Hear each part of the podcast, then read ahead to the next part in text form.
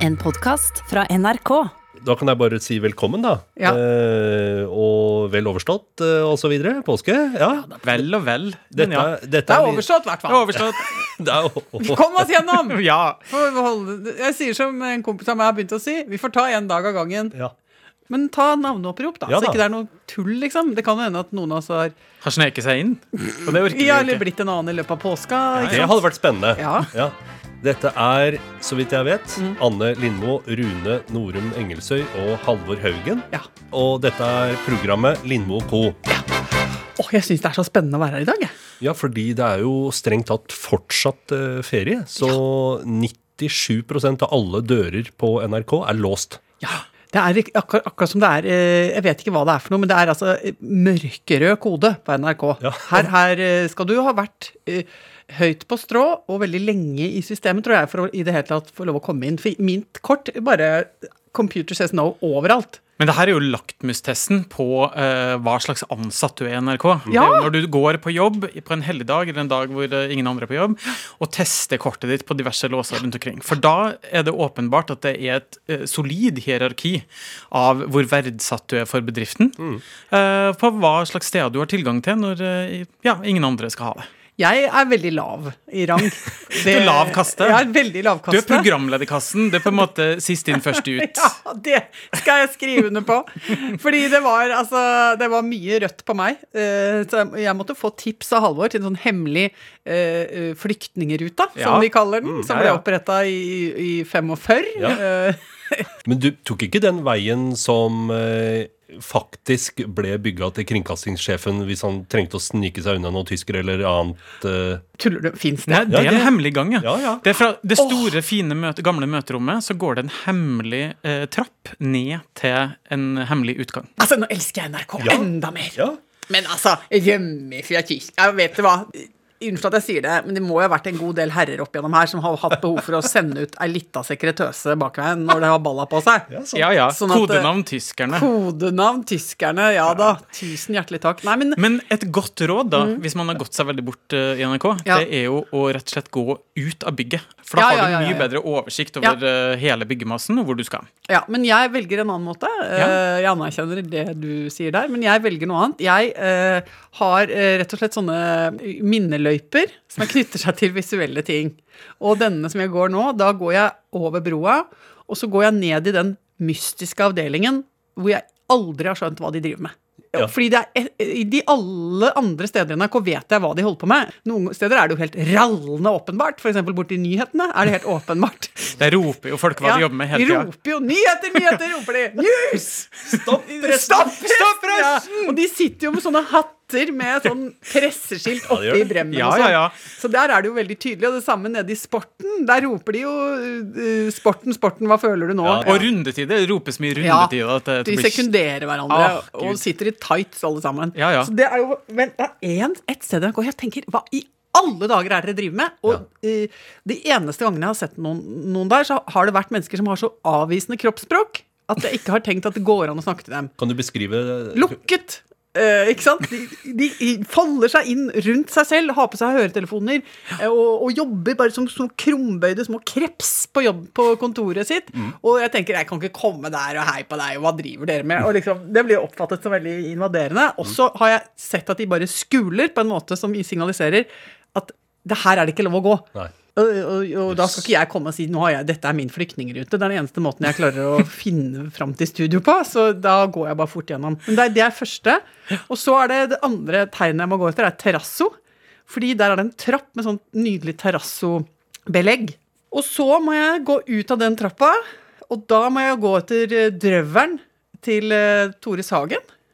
Yes. Altså den fysiske drøvelen. Drøvelen til Tore Sagen henger på veggen, nemlig på et sted, og da, han gaper så veldig på det bildet, og han ser ut som han brekker Og det er seg et litt. da. foto. Det er et foto, ja. Jeg ja. begynte å se for meg at, sånn at noe var lagt på et glass. Men Nei da. Nei da. Nei da, det er ikke det. For de neste generasjoner. Og her er drøvelen til Tore Sagen. Drøvelen til Tore Sagen, ja. Hjernen til Einstein han ble, ble de jo opptatt av, så den lå jo på glass. Ja. Og da må jeg se på den, og så må jeg inn i på en måte det som jeg oppfatter som en slags sånn sluse. Eh, mellom to dører hvor det ikke er noe Man kan bli litt redd. For der er det sånn hvis du ikke kommer deg videre derfra, da kan du bli liggende. ja. Da er løpet kjørt. Er løpet kjørt? Eller Ja. Fitten dragen? Hva sa Unnskyld meg. Jeg vet ikke hvor det kom Er det, Er det tysk? er det tysk, eller er det et norsk uttrykk? Jeg vet ikke. Er det det man sa i gamle dager etter et one night stand? Sånn, er hun her fortsatt? Nei, nå er fitten dragen. Jeg, jeg, vet ikke, det bare kom til meg. Ja, Men vi går videre. Ja, åh. Yes. Men iallfall, da. Så der, der inne blir jeg litt stressa, for jeg tenker hvis jeg ikke kommer videre der, så Mm. Da er du ferdig. Ja. Så da drar jeg kortet mitt, trykker koden, og bare øh, kjempestressa. Og, og fikk grønt lys. Og så fikk jeg åpna, og det er jo rett der borte. Ja. Ja. Bare noen meter herfra. Å, kjente kroppen takker, og pulsen rotet seg. Jeg ble så glad at jeg ble rørt når jeg så Halvor Haugen. Og jeg er veldig glad for at du fant fram. Det er jeg også. Fordi det betyr at vi kan gå videre til neste tema. Ja. Cha-cha-cha. tja, tja. Når vi kommer tilbake fra ferier, så pleier vi å gå en del møtetid med til å snakke om hva vi har gjort i ferien. Ja. Så det kan vi jo liksom godt ta nå. Ja, kan gjøre unna det, egentlig. Skal vi gjøre det? Ja. ja men... Hva har du gjort i påska, Anne? Nei, altså, hva har jeg gjort? Jeg har jo rett og slett lykkes med å få med meg familien til ei lita karibu mm. oppi eh, øde fjellstrøk. Eh, og jeg vil si det er få ting som gjør meg så lykkelig. Som å sitte og eh, smatte på ei lita gryte som jeg har lagd og frøst ned og hatt med meg, og dratt opp på fjellet og spise den sammen med familien mens jeg sitter i en hytte hvor det ikke er spor av andre mennesker, så langt øyet kan se. Det blir jeg altså så glad av. Ja. Men det å sitte isolert på et uh, begrensa areal uten å se folk Ja. rundt seg i noe særlig grad, Ja. det tenker jeg at jeg har fått så det monner, jeg, eh, det siste året. Ja, men jeg jeg, jeg, jeg hører ironien. Men hva høyner du med? Jeg, hø- jeg hører ironien.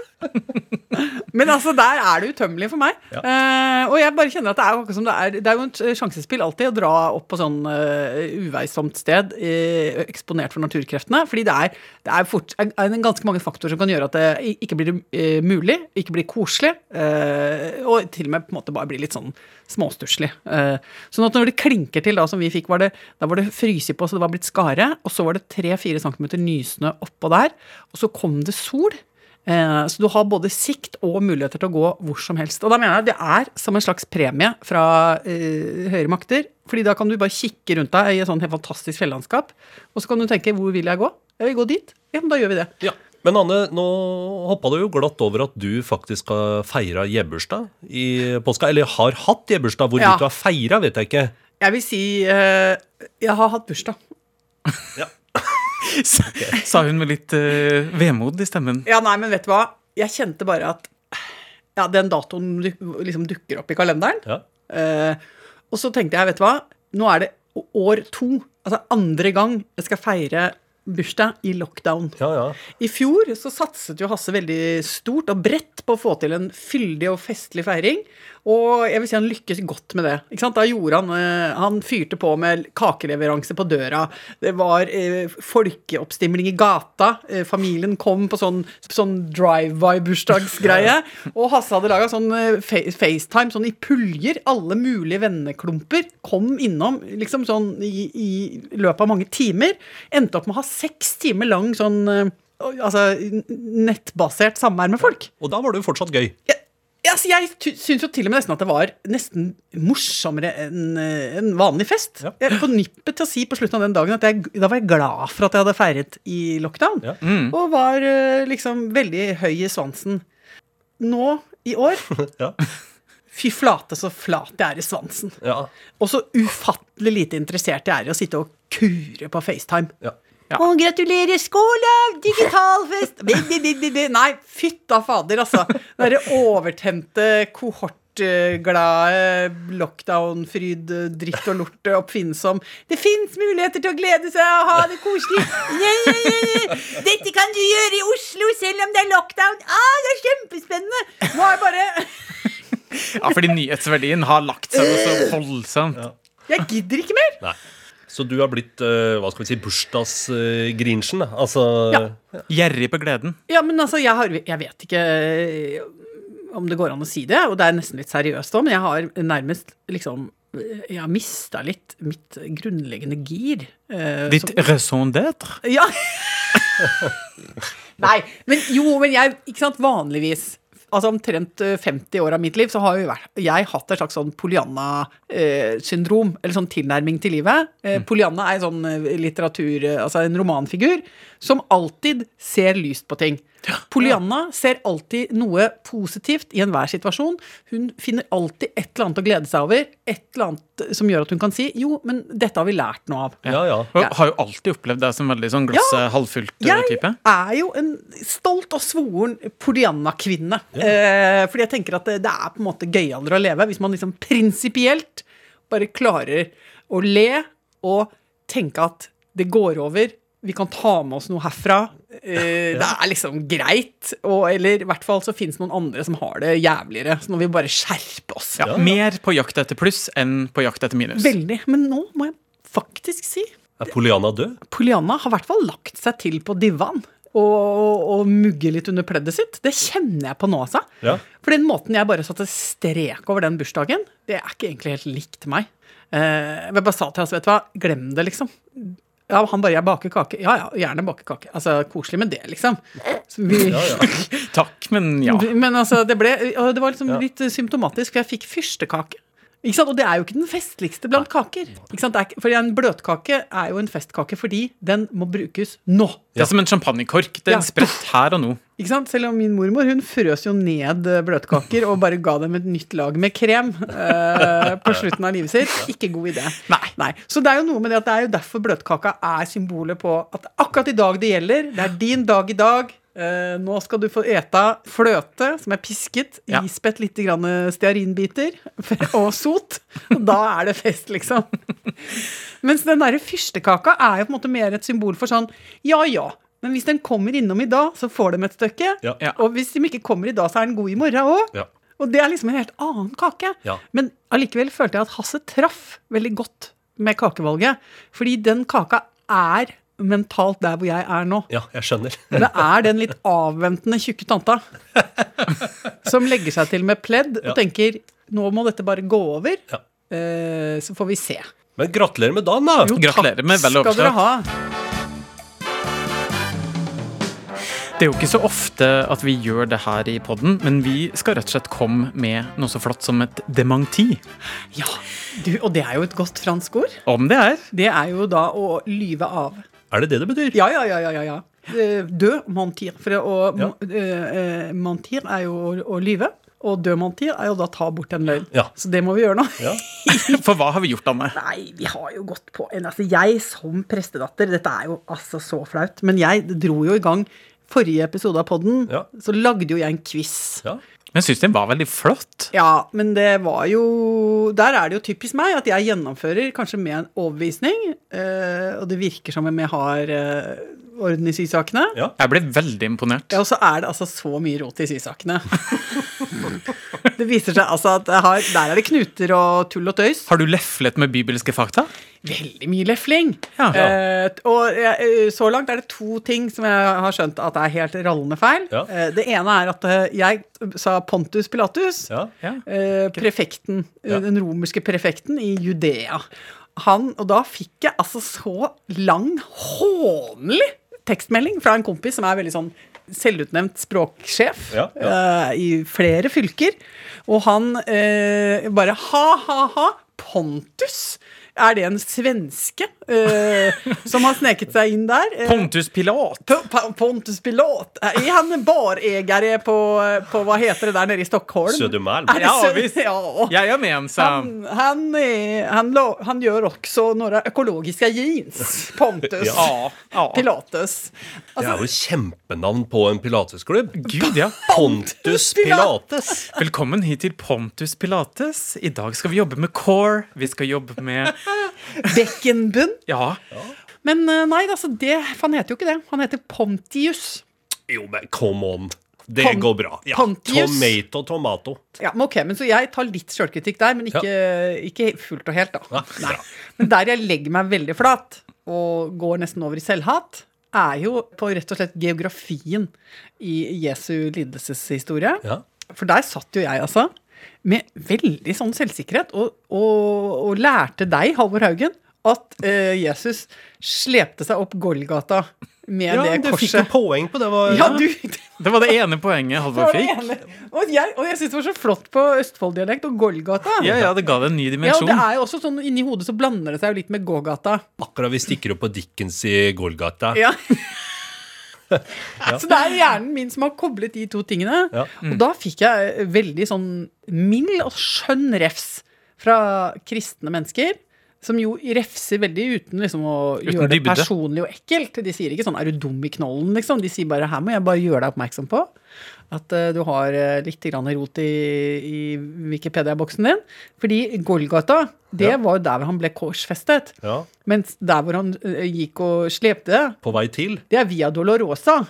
Ok. Eh, og den, det, det er liksom en, en, eh, altså en reell liten løype gjennom Jerusalem som heter Via Dolorosa, hvor folk driver og går og, og kjenner på det og sånn. Ja, Ja, Mm. Så det, det eneste jeg klarte i denne. Ja. quizen, det var, Det var rett og slett det var feil. Ja, det var feil, ja. Så da må vi rett og slett stryke mitt ene Ja. poeng, da. Ja, Så du er nede på null? Jeg er nede på null, ja. Men, eh, men jeg kjenner jo også at jeg skal ta på en måte støyten der. Så nei, jeg, jeg må skjerpe meg. Og dette betyr jo at um, man kan aldri stole på minner og kunnskap. Altså det, dette har jeg faktisk eh, hørt litt om nå på i noen sånne veldig interessante podkaster. At Ja. minner er jo veldig ustabile ting. Ja. Eh, hver gang du henter dem fram, så er det meget sannsynlig at du reviderer dem litt. Og bygger dem om litt, og former dem litt om, og setter dem tilbake i minnehylla. Og det er en del reklamer, har jeg hørt, som eh, folk eh, tenker på som egne minner. F.eks. den reklamen med han som spiser Werthers echte, altså karameller. Ja. Det har folk et tydelig minne av at de har sittet på fanget til sin bestefar og spist fløtekaramellene Werthers echte. Men de har jo bare sett det på TV. Jeg trodde jo at jeg jobbet i et vaskeri, eh, myntvaskeri, Ja. på Vestre Toten. Hvor de kom kjørende forbi en, eh, en eh, lekker amerikansk bil, og det hoppet ut en gutt i Levis 501. Ja, det, eh, som han tok av seg. Eh, og så gikk han inn i underbuksa. Nei. Og, Mens du drakk Cola Light mens jeg drakk Cola Light og, og, og hadde en bedre stund. og tygget Stimorol. Ding! Altså, så gjorde det sånn ding på tennene mine. Så det var spesielt. Mm, det skjedde. Det Det skjedde. skjedde. Sånn kan man ha en kjempedeilig barndom. Mm. At man bare forfalsker alle minnene sine og rett og slett bygger de om og henter inspirasjon fra både populærvitenskap og reklame. ja. Men betyr det altså du tar eh, delvis eh, kritikk? Ja, jeg tar litt jeg tar, jeg vet, jeg vet ikke, et par-tre prosent kanskje på det der Pontius Pilates. Ja, så legger du deg langflat. På Golgata. Ja. Ok, men altså, jeg har jo da hentet uh, livsglede ved å mm, stikke til fjells og sitte på få kvadratmeter og, og kure.